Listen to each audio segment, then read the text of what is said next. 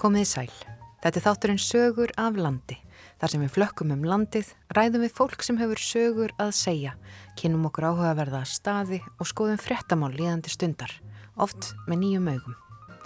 Ég heiti Gíja Holmgistóttir og er umsjónumæði þáttarins og með mér í dag er Óðinn Svan Óðinsson, frettamaður á Norðurlandi. Í þætti dagsins fjöllum við um kennslu og verslunarsögu. Við hefjum þáttinn á spjalli við starfræðikennaran Hilmar Friðjónsson sem lagt hefur áherslu á að þróa nýjar og óheðbundna leiðir til að auðvelda nefnundum starfræðinámið. Að lokum förum við með þurriði Þorlöfsdóttur í ferðalagum verslunarminjasafnið á Kvamstanga þar sem skoðam á verslunar sögu svæðisins og versla handverk af heimafólki. En við byrjum á starfræðinni. Í verkmæntaskólanum á Akureyri starfar kennari sem þykir hafa einstakt lag á að hvetja nemyndur áfram til árangurs og hafa margir nemyndur þakkað honum fyrir að hafa komið sér áfram í náminu og að skilja starfræði. Óðinsvan Óðinsson hitti þennan einstaka kennara og forvitnaðist um líf hans og störf.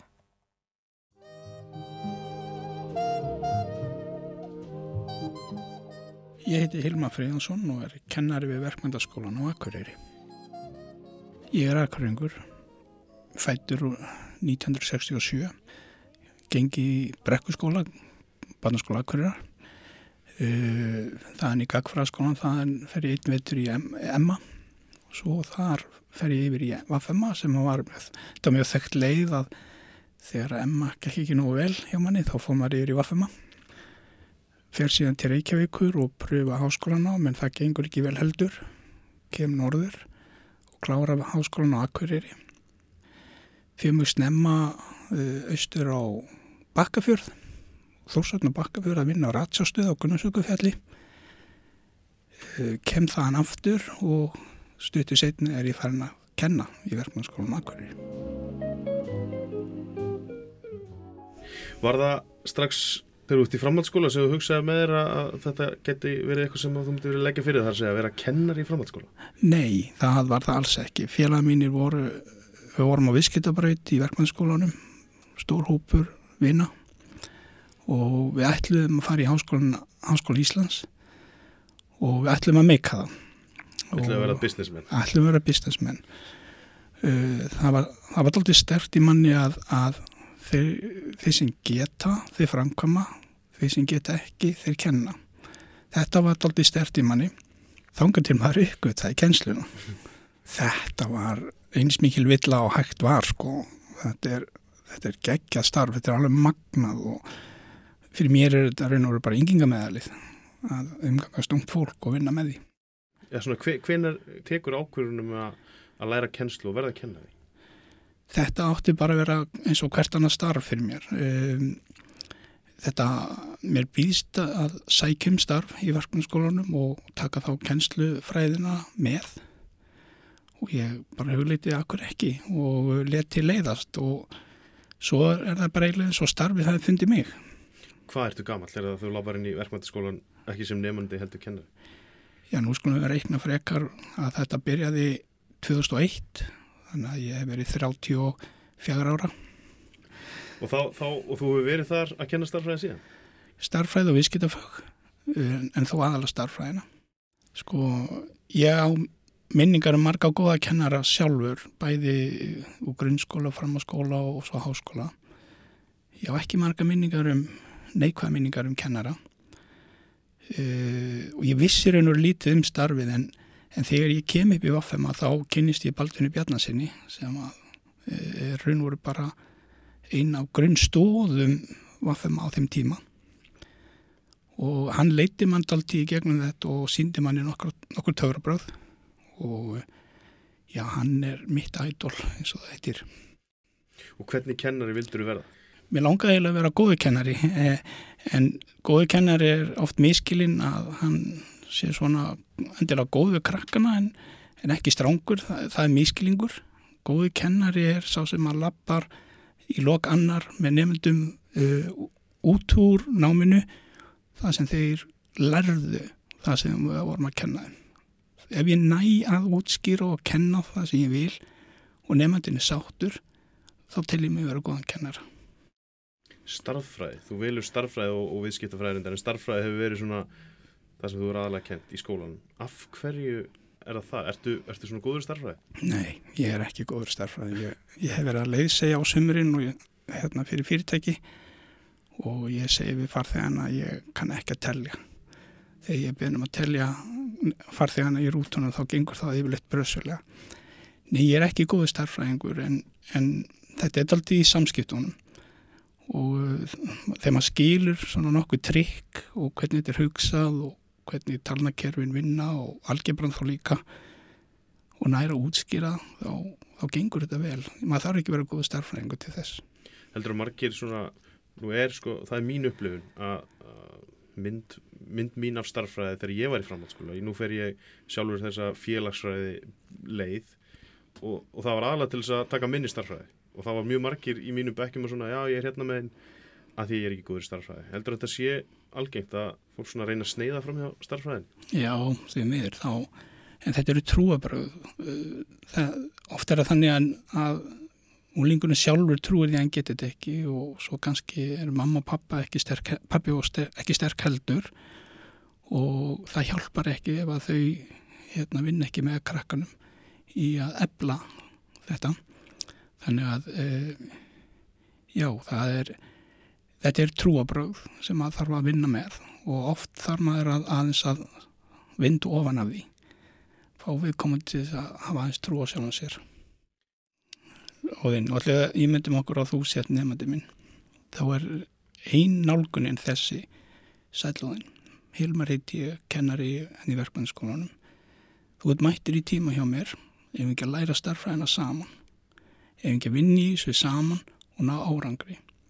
Ég spyrði líka hvað hefur áhuga á, á hvað stefnir, hver eru draumaðínir og e, þegar að þú nefnir draumaðína þá er svo öðvöld með að veiða þig inn í þá hugmynd að við getum vinnið þetta saman. Og ég má ekki ekki afsláta því, ég verða að vinna þetta saman með þér. Þannig að þetta er, þetta byrjar á samtali og bóti tröst, mynda tröst láta viðkomandi líða vel í tímanum og stofinni og ræða við hann um möguleikan hans en ekki, já, heyrðu, þú ert með þennan, þennan, þessa bresti þennan galla eða já, mamma og pappi gáttu hann ekki aðstofa þig hérna þá hlýtu þú vera ömulur í starfræði líka, þetta er ekki það virkar ekki um, ég verð að nálgast út frá hæfileikum þínum og getu Geta allir lært starfræði? Ég held það. Ég verða að mæta í upphæfi annar með þessa trú. Ég má ekki ekki afsláta hann.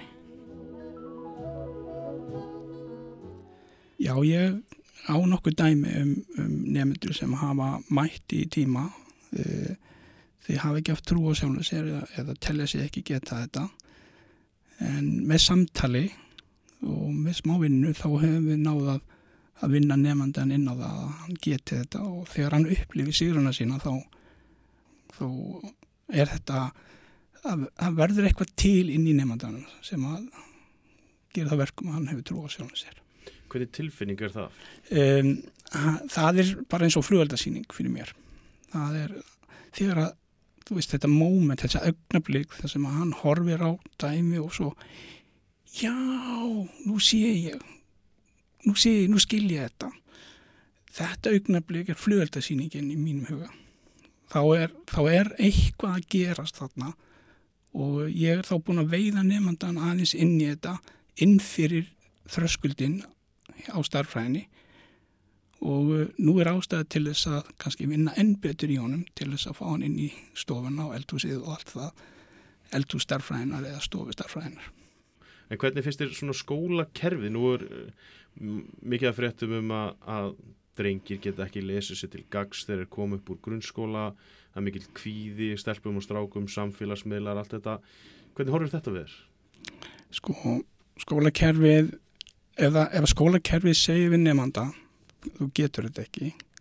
Og ættir að hætta þessu þú ættir ekki að sinna þessu, þú ættir að gera eitthvað annað. Þá fer nefndin að trúa því en ef við eigum það samtalað heyrðu, þú getur þetta, þú ert með styrk, þú ert með getu, þú ert með, þú ert með kunnáttu sem getur byggt ofan á, þá er auðveldara að, að, að vinna með nefndanum. Skólakerfi verður að gæta sín á því að, að það má ekki traðka á nefndanum og segja við hann að þú getur þetta ekki. Því þá, þá getur hann ekki. Nú ertu búin að vera í þessi 20 ár.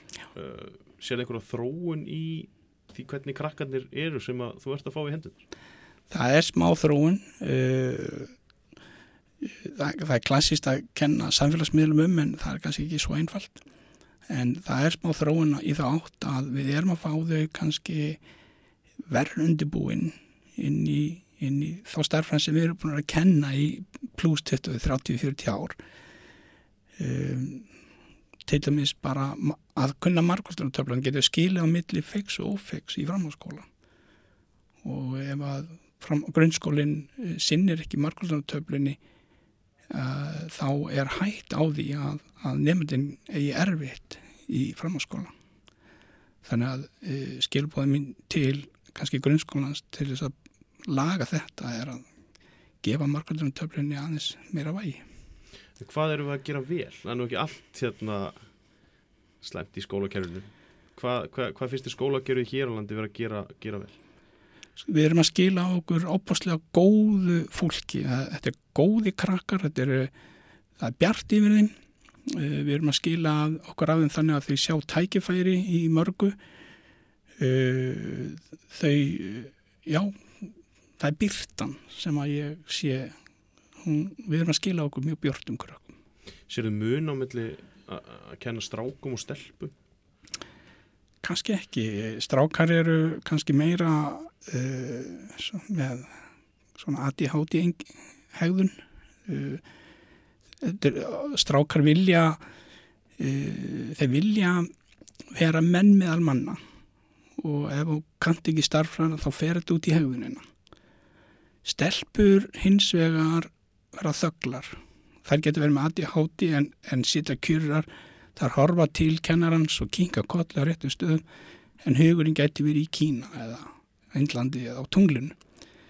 En það sita kjurrar. Strákarnir eru meira þá í, í hegðunar vanda en, en það byggist og grunnast á því að, að þeir vilja raun og veru bara vera menn meðal manna en skilja ekki endilega fæð átt einhver svona triks og hérna þegar til dæmis 16, 17, 18 ára strákar komin í svona stofum að þekki típuna halla stólum og kastar blíjöndum og reynir að vera hérna svolítið flottur átt einhver triks til þess að ná mönnum svona þess nýra á jörðina og, og inn, í, inn í það sem þeir að gera?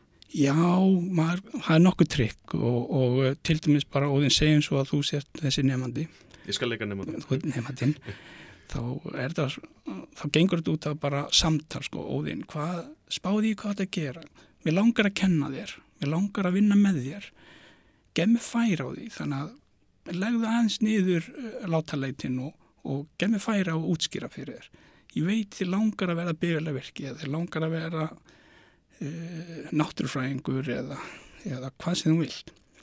Þannig að ég veit þið langar að gera þetta hjálpaði mér þá í því að láta þessa drauma verða veruleika. Eru þessar típur, ef við tölum aftur í svona stereotypum, móttækilegar fyrir þessu þegar þú segir þetta? Þegar þú býður þessa hjálp? Já, sko, í grunninni þá verða það pínu hissa. Þeir eru ekki vanið þessari nálgun.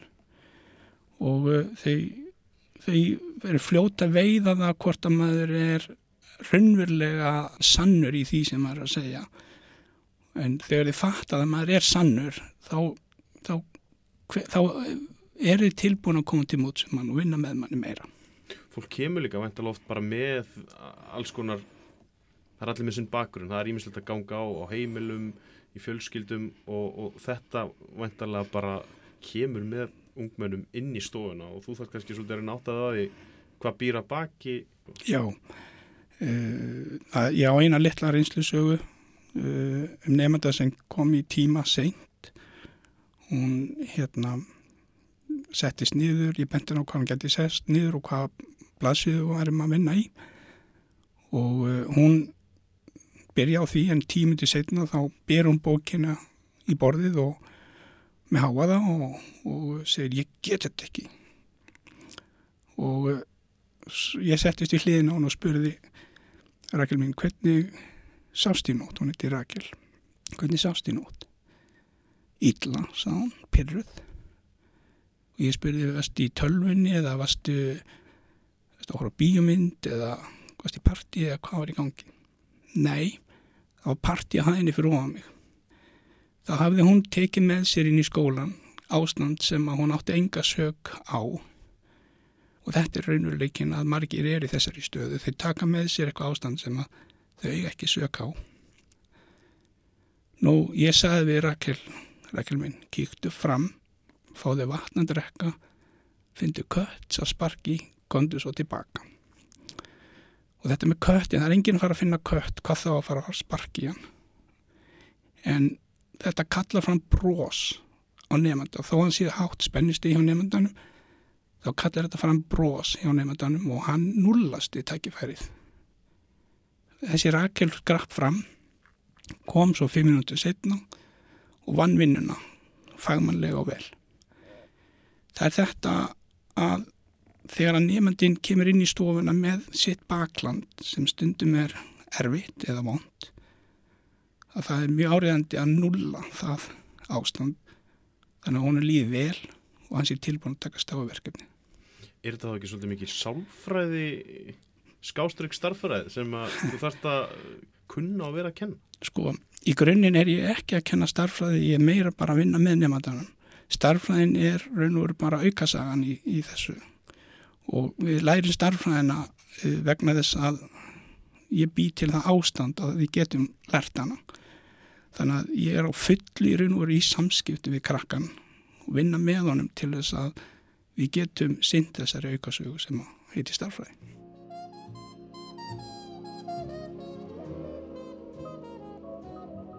Starfið þitt, uh, lítur á þetta sem vinnu eða svona að tala við þá hljómar þetta eins og þetta sé hálfgist áhuga mál að móta krakka og taka við þeim og einhvern veginn reyna að leggja þitt að mörgum til þess að þau verði semlir borgar hérna í samfélagi.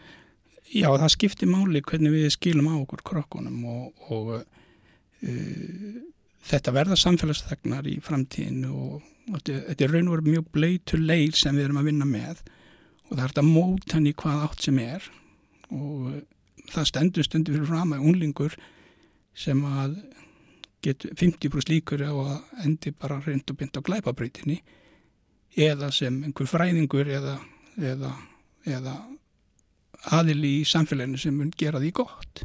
Það er stutt á milli. Það er stutt á milli og uh, það skipti, það, þetta er pínu áhuga máli eða lífstíl hjá, hjá mér að, að það er að skila að mér krökkunum þannig að þau sjáu hafi meira tækifæri á að verða góðir þegnar, gott fólk í samfélaginu heldur en ekki.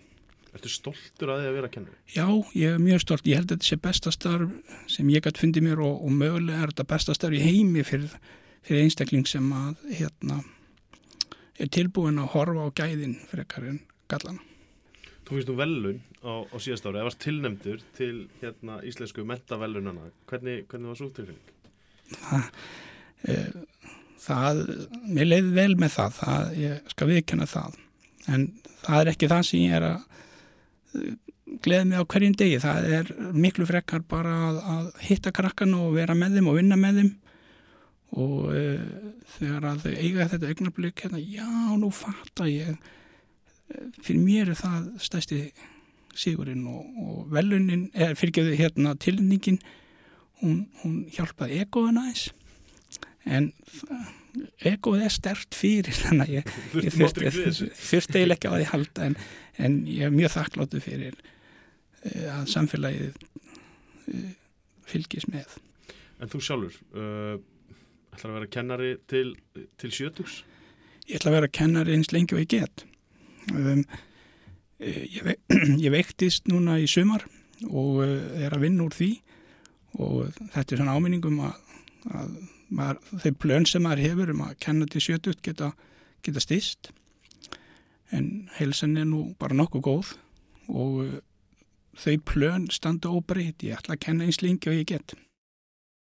Ég hérna fekk lúnabólgu í, í endaðan mæ og þá greinist megin í lunga, vinstra megin, grabba megin og það var fjarlægt, það var tekið hérna hluti af vinstra lunga, efri partur og þar með er í lausi meinið og er svona í veikindarleifi og, og er að, í smá endurhæfingu.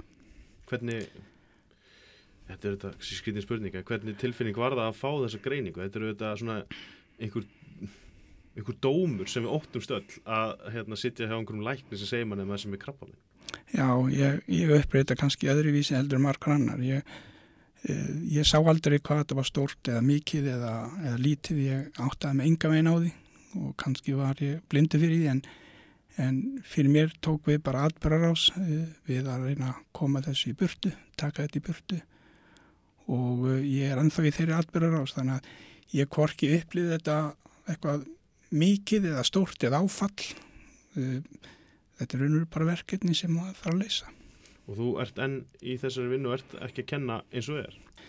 Nei, ég er ekki að kenna samkvæmt uh, planir, ef maður er kennari og er veikur þá, þá ertu annarkort 100% veikur eða 100% fær en sko, að fyrir maður vinnu með mér á ymsan hátt og til dæmis það að uh, ég er hérna meit nefnda uh, í sérkjenslu og hérna fæ að sinna honum. Þannig að ég fæ að vera innan stofnunum en ég fæ að vera inn á, á vinnustæðinum og taka þátt í starfinu uh, og, og við lítum á þetta sem, sem endurhæfingu. Og, og skólinn er tilbúin að vinna þetta með mér. Hefur þetta breyttir eitthvað? Að fá, þú veit að segja mér að þetta hefur gerst hratt og kannski svona það hratt og, og er, þú kannski ekki náða að melda þetta eða meðtaka þetta en hefur þetta breyttir eitthvað til frambúð? Já, þetta hefur breytt aðeins. Um, uh, orkan og, og krafturinn sem var í manni, uh, hann aðeins mingað. Ég held að þeir sem veikjast uh, lendi akkurat í því en, en með upp, uppbyggingu þá, þá nærmaður fyrir styrk og getur það aldrei áfram. Og þú er, hefur fundið það í, í veikindarlefinu að hérna, þinna krafta sé, sé enn óskað upp í verkmyndaskóla og krakka býða eftir? Já, já, já, ég finn fyrir því ég tala mikið við krakkana sem eru þarna frá ekki nýnefana þegar ekki, ég hef ekki kynst þeim en þeir sem á, ég var að kenni fyrra og, og þeim, þeir vilja fá mig tilbaka og það, það mér línar hjartarættunar Þetta er góð tilfinning að vita til þess að hérna, mann man snerfur þessi óskað Já, já, ég held að það besta sem ég geti gert við, fyrir nokkur mann er að, að hann hafi tilgang Ég held að þessu ágætis loka árað Hilmar bara gangið vel Takk Óðinsvann Óðinsson rætti við Hilmar Friðjónsson, starfræðakennara við verkmentaskólan á Akureyri. En því næst er ferðinni heitið til Kvamstanga.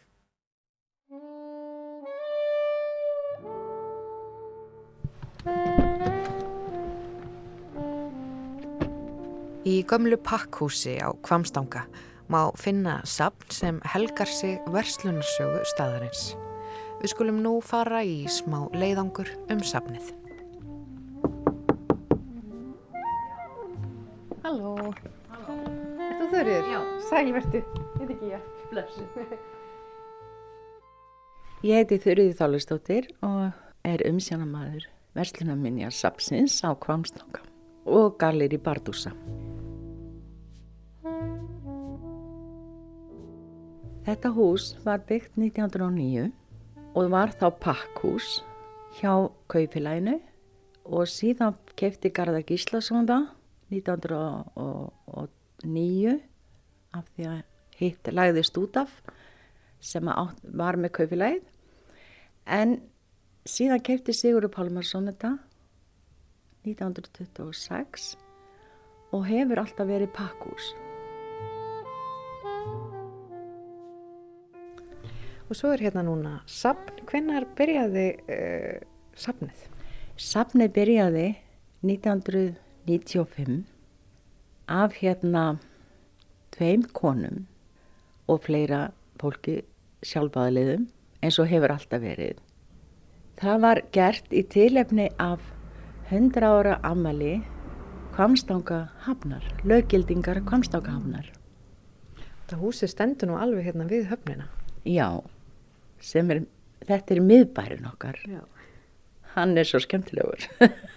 og mikið af svona sögufrægum húsum sem að einmitt minna á já, að hér var verslunastæði mikill. Já, og bara upp á 1920 og þá voru hérna fjórar verslanir á þessi litla svæði sem, sem er ótrúlegt. Það var Kaufilagið, það var Verslun Sigurðar Davíssonar og Verslun Sigurðar Pálmarssonar og svo Gunnarshús, Gunnar Kristoffersson og fleiri, fleiri verslanir vegna þess að það var líka, það, það var svo margt í gangi hérna á þessum tíma sem er eiginlega alveg ótrúlegt. Mm. Eigum við að hérna, fara aðeins inn á safnið. Já. Uh, það eru þetta margir munir sem að blasa hérna við. Uh, en við skulum aðeins, ég sé hérna uppi alls konar myndir, en það er einn sérstaklega svona grípandi, þetta eru ljósmyndir sem sagt. Það er hérna mjög fallið svarkveit mynd af höfninni á Kvamstanga. Það var nú ekki búið að byggja neina höfn, þetta er svona þessi Já. náttúrulega höfn. Segðu mér aðeins frá þessari ljósmynd. Þessi ljósmynd, hún var í eigu Björns Blöndal sem var pósthúsmeistari hérna og hún var stækkuð og hún er sennilega tekin í kringum 1920. Já. Af því að hér sést á myndinni að Verslunstjóra Pálmarssonar, hún er ekki komin upp af því að hún var byggð, húsi var byggt 1926. Hérna sérðu þinghúsið, gamla kaufilæð og svo húsi sem við erum í. Pakkhúsi sem kaufilæð átti. Já, já, já, já. Hérna komum við inn í verslun. Herðu, hér er reyðhjól, reyðhjól árger 1907, hjól Já. Björns Blöndal, pósthúsmistara. Já. Og þetta kom núna í, í vetur og þetta, þeir voru miklu vinir Sigurður Davísson og hann, Björn Blöndal og það er kannski merkilegast við þetta er luktin Já. því að það er sett spritt hérna inn og þá kemur ljósið. Já, Það speglar frá. Þetta er mjög hérna, flott, flott svo var ljós. annað hjól sem kom hérna frá honum Þórði skúlarsinni sem að hann keifti í Verslun Sigurða Davíssona 1954 eða 5 sem er skemmtilegt. En, en þetta er sagt Verslun Sigurða Davíssonar. Já, hér er búðaborðið úr Verslum Sigurða Davíssonar. Já. Og þetta er líka úr öðrum verslunum sem voru hérna. En Sigurður Davísson, svo ég snúi mér á honum, Mm. að þá, þá hérna byrjaði hann, hann er fættur og uppalinn hér, en hann byrjaði sem sagt í þessum kistli sinn verslunarferil. Já. Og þetta er bara svona venjulegur kistill, hann er ekkert rosalega stór, hann er samt ekkert voðalega lítill. En hvernig þá byrjaði hann sína verslun upp úr kistli? Hvernig gerir maður það? Hann byrjaði á því að, versla í þessum kistli, en síðan fer hann þarna í kjallaran í þinghúsinu og þar er hann með sína verslun frá 1920 til 1970. Já. Þetta var kallað krambúð. Hann var með allt nema matvöru. Hann, hann veginn, eins og þú sérð hérna inni, hann var ótrúlegur. Hann pantaði allt frá útlöndum eins og þessi efnistrangi hérna síðan 1950 Já. sem hann hefur ekki þurft að, hérna, taka upp sem betur fer. En þetta þetta að- eru tópasklúta efni. Já, já, já, já. Og því að safngripurinn er í rauninni, Já. sko, þetta er efnið, tópaksklúta efni, maður sér það hérna inn í, raukt svona tópaksklúta efni, en utanum er auðvitað, já, pappirinn, svona böggull sem að hefur verið póstlagður frá Manchester. Já.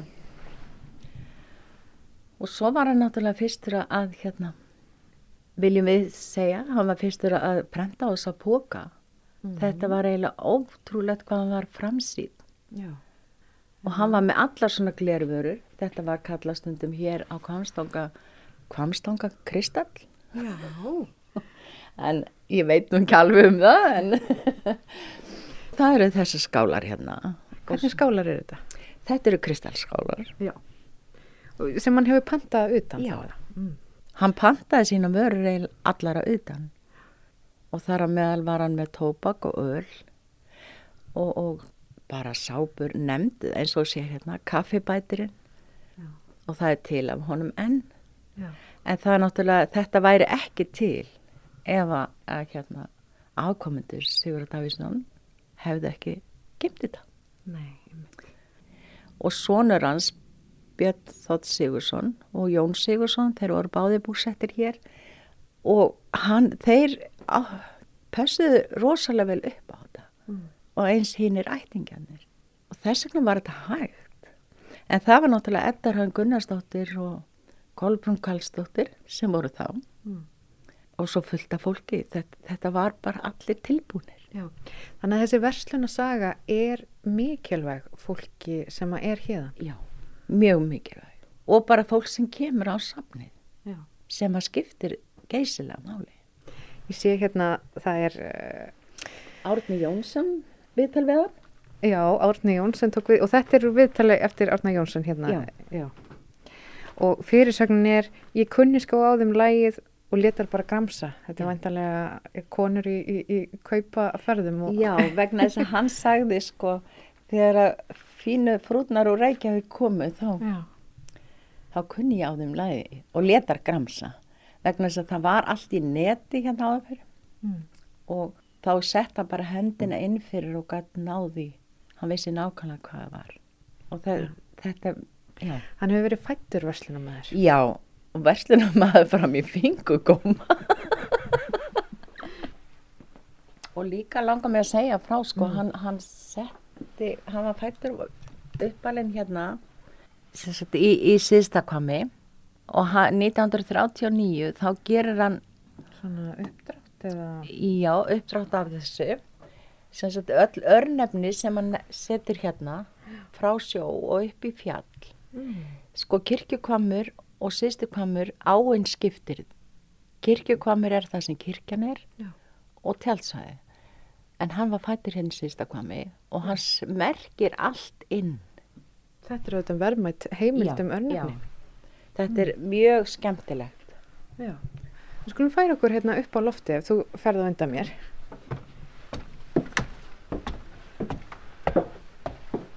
Hér eru áfram eh, fullt af munum. já, hérna í súðinni að þá er saga verslunarsaga kvamstanga rakin í máli og myndum Já.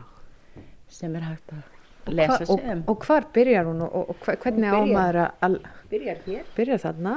og heldur svo áfram Vestur húnvetningar þurftu eins og margir fleiri Íslendingar á fyrri tíð að fara um langan veg til að komast í kaupstað og það var þeim því mikið keppi keppli að verslunastöðum yrði fjölgað.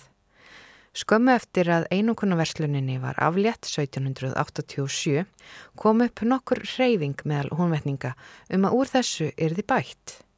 Þrátt fyrir afnám einokunnaverslunarinnar skánuðu verslunarhættir á eina verslunarstað síslunar, Skagaströnd, lítið fyrstu árin og voru þess dæmi að bændur í Víðidal og meðferði færu allarleið til Reykjavíkur til að versla.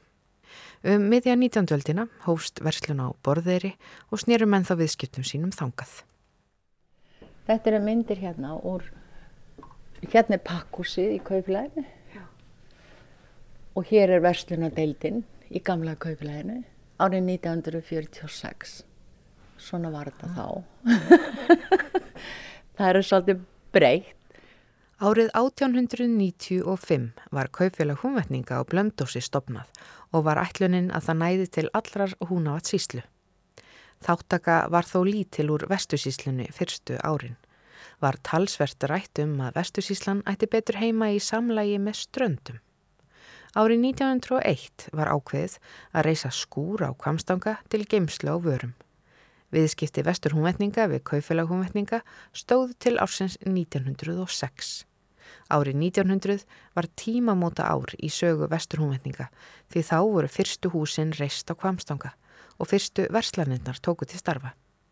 Voru þær stopnaðar hver af annari, Rísverslun, Möllisverslun og Verslun Jóns L. Hanssonar. Kaufélag vestur húnvetninga var frá stopnun félagsins árið 1919 langstærsta verslunin á Kvamstanga og var fram til ásins 1970 jafnframt umfangsmæsti atvinnurengandi á staðinu. Kaufélagi rak bæði slátrús og fristihús. Árið 1960 var nýtt hús tekið í nótkunn en þar eru matföru og byggingavöruverslun á sannskrifstofu. Svo er svo skemmtilegt það sem maður sér sko, það hvernig allt var mertu þetta. Hér stendur hósu, klemmur, Toyota, hérna hefur verið fara hlutir kannski Sko, fyrir þe- Toyota. þessi skápur var fræskápur Sigurðar, hann var með fræ. Há með fræ.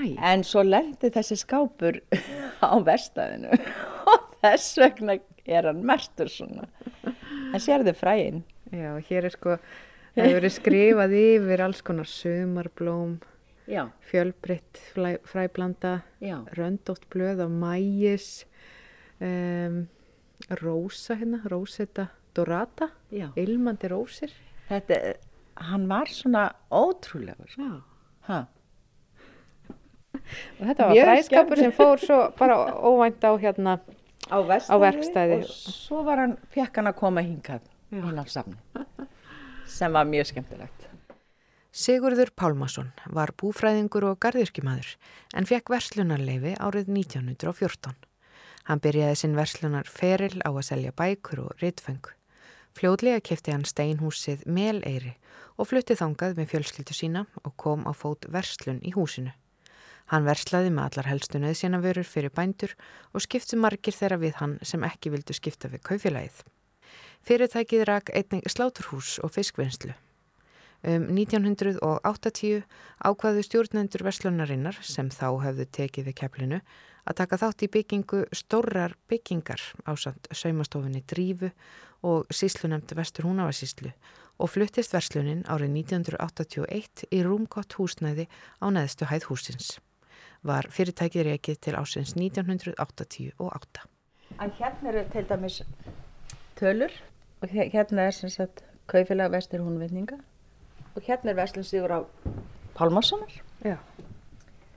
Þetta er svona búðaborð og, og Já. hér sést alls konar og gamalt jólaskrið líka. já. Árið 1920 setti Gunnar Kristoffersson á fót litla verslun í húsi sínu sem jafnan var við hann kent og kallað Gunnarshús, nú strandgata fjögur. Gunnar hafði á bóðstólum ímsan varning og matförur. Hann kefti söðfjö af bændum og slátraði í skúr sem var norðan við verslunina og áfastur henni. Það var þó allt í smáum stíl. Þegar Gunnar lést í november 1937 tók sonur hans, Guðmundur Gunnarsson, við versluninni og rak hana í 27 ár. Guðmundur kefti áfram sláturfí af bændum eins og fadir hans hafi gert og einnig seldi hann matförur. Hann hætti þó sláturhúsrekstrinum snemma á 5. áratögnum.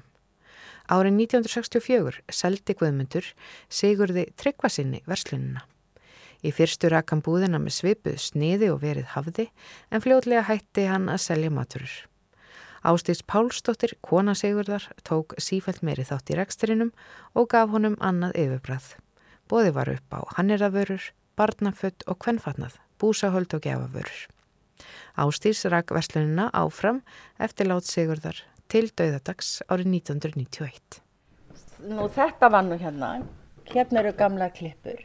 Þetta er svona Sem fyrir verið að hvað, til þess klippa hár. Já, klippa hár. Og hér er svona töng, þetta hefur vantilega verið eitthvað til þess að Þetta er kandís. kandistöng, ég hugsaði hérna eitthvað fyrir tennur, en gott að heyra þetta kandistöng. Í upphafi aldarinnar var ekki þörf á því að vörurnar hefðu sérstakt tegunda nafn. Þá var einfallega bara hægt að fá kveiti, sápu eða rúsinur. Með aukinni samkeppni og úrvali fengu vörurnar smám saman vöruheiti eins og Royal Gerduft og Gold Metal kveiti. Upp úr stríðinu hófst tími munuðavörunar eftir að hermennir höfðu gefið Íslendingum nasasjón af unaði neslusamfélagsins með nælonsokkum og tyggjói. Margvísleg heimilistæki urðu nöðsinn á hverju heimili og sáust á í auglýsingum undir tryggri stjórn brosandi kvenna og voru hugsuð til að létta þeim heimilistörfin.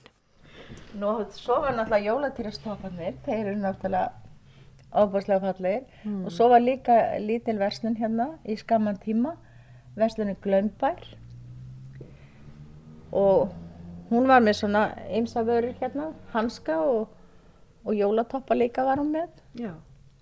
og ymsa vörur, en hérna eru litir og þetta var hjá Sigurður Davíðssoni fatalitir. Já, já, já. Og luktir og alls konar.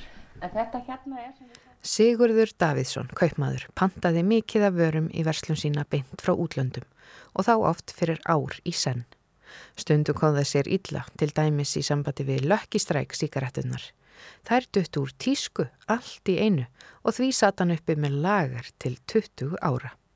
Svo gata komið sér vel að vera stundum eina búðinn í landinu með ákveðna vöruflokka. Þá brunuðu frúrnar úr Reykjavík á fínum drossjum norður, kerðu fram hjá kaufélaginu og beinti krambúðina til Sigurðar. Þar gáttu þær gramsað og fundi það sem þeim líkaði. Þá var fundin til stór tríakassi og góðsynu pakka niður í hann fyrir ferðina aftur í höfustæðin. Þetta var svo, allt svona einfaldar Já. og hér er bók, er þetta eitthvað skonar? Þetta er innborgun. Já, já, já. Þetta er kaufélags hérna bókin. Já. Þetta er kaufilagsbókin. Þannig sést hvað bændur lögðu inn og hvað var tekið út. Já. Hérna geta þær alveg fundið það. Það var ekki eitthvað í bladað í þessari bók og fundið svona Örglega eitthvað. hvað forfeðarnir voru að leggja inn og svona. Já. Kjörbúðir slóu í gegn á sjönda árateg 20. aldar en með afnámi hafta og traustara vöru frambóði sköpuðust forsendur fyrir rekstri slíkra verslana. Í kjörbúðunum var viðskiptavinunum bóðið að ganga um og týna vörur sínar í sérstaka körfu. Áður höfðu kaupmenn í litlu krambúðunum afgreitt allar vörurnar yfir borðið og haft fullkomna yfirsýni yfir þær þó öllu æði saman. Sigurður Davíðsson rak verslun sína í kjallara þinghúsins alla tíð og þurfti viðskiptavinir hans að ganga niður all brattan stega frá jarðhæð húsins og niður í kjallara. Þegar böll voru í þinghúsinu hafði Sigurður verslununa opna og ungviði kom niður og fekk sér gós að drekka. Hvernig er svona viðbröð fólks gesta sem koma hingað? Þeim finnst þetta mjög skemmtilegt og svona þeir, allavega það, það sem þeir tala um að þá finnst þeir safni svo lifandi Já. og það er eiginlega svona allt inn í þessu litla húsi sem er náttúrulega bara gaman. Hvernig skiptist þetta sko, íslenskir ferðamenn og erlendir ferðamenn? Er þetta alveg jæmt?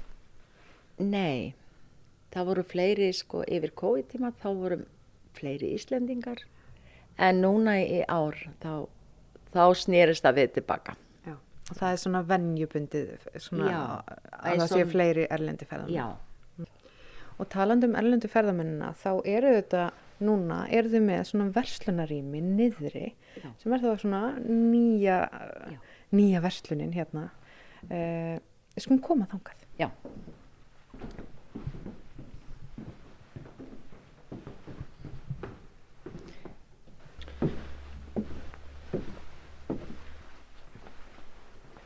Hérna erum við komin inn í verslununa Já, sem er núna Bardúsa. já. Og þetta heitir Galleri Bardúsa. Já, Og hér er svona munir eftir að fólk hefur búið að Bardúsa svolítið. já. Þetta er allt handverk eftir heimamenn og, þeir sem eru brottflutir. Já. Hefur þessi, þetta Galleri Bardúsa verið starfrækt jafn lengi og uh, safna hefur verið hér? Já, það hefur verið jafn lengi og hefur alltaf fyllt með. Hvernig er reksturinn á svona stað? Sko hann er, hann er ekkit rosalega góður en, en það er allt hægt. Það væri ekki hægt að halda þessu uppi nema handhusfólkið kæmi við sögu. Það er, það er ekkit floknar að það. Og svo tekur á móti hópum og svona áhugasöfum eða ringja, svona eins og uh, dagskráðgerða fólk Já. að ferða um landið. Já, ég gerir það. Við erum eins og núna í sömar þá erum við, vorum við opið frá 1. mæ til 16. óttúber. Já. alla daga en það er náttúrulega frá 1 til 5 í mæ og september og óttúber en 12 til 5 þannig ég, ég er mjög ánægð í Já. yfir rekstrinum Hvað hefur þú lengi komið að þessu, þessari starfsemi? ég hérna tók við þessu 2018 um vorið og tók þetta að mér sem samfélagsverkefni Og það er búið að ganga vel og, og þetta blómstrar hérna hjá þér. Já. En uh, ertu ekki svolítið eini í þessu að halda þessu uppi? Nei, Nei. það er stjórn sem er líka og svo náttúrulega bara starfsmæður minn, hann er náttúrulega alveg frábær. Já. en það er einhvern veginn í svona litlu samfélagi, þá hjálpast allir að. Og maðurinn minn, hann hefur náttúrulega hjálpað mér mikið. Og hver, hver er svo framtíð svona staðar hérna í, í, í pakkúsinu, gamla pakkúsinu? Ég ætla að vona að það verði bara áfram upp á við. Og líka það að við erum líka að, eins og ég verði að koma aftur á Sigurður Dæsinni, vegna þess að það snýst svolítið um hann, safnið, að hann setti sko upp ferðamannaverslun upp úr, já, kringum 1930 sem að setti hérna sem hétta Norðurbraut, ferðamannaverslunin Norðurbraut, hérna það sem hún beigir inn á áleikjaran, inn á komstanga. Og hann er það framsýn og núna og þessi skúri til. Og við fengum hann núna, verslunum minja safnið, egnaðist hann núna í fyrra Já, já. og við ætlum að gera hann upp og komum hann hérna fyrir norðan.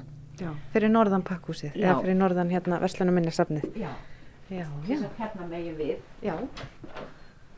Og þú ert með myndir af honum. Ég er með myndi sem hún Hólfríður Jónsdóttir tegnaði. Já. Þannig að hér sjáum við sko pakkúsið þar sem við erum. Svo Já. ætlið þið að láta byggja svona gang, Já, svona millibyggingu. og hérna kemur svo verslunin. Já. En hérna í millibyggingum verður sem sagt báturinn hans Bangsa. Já. Bangsi, Björn Sigursson, hann var sonur Sigurðar Davíssonar.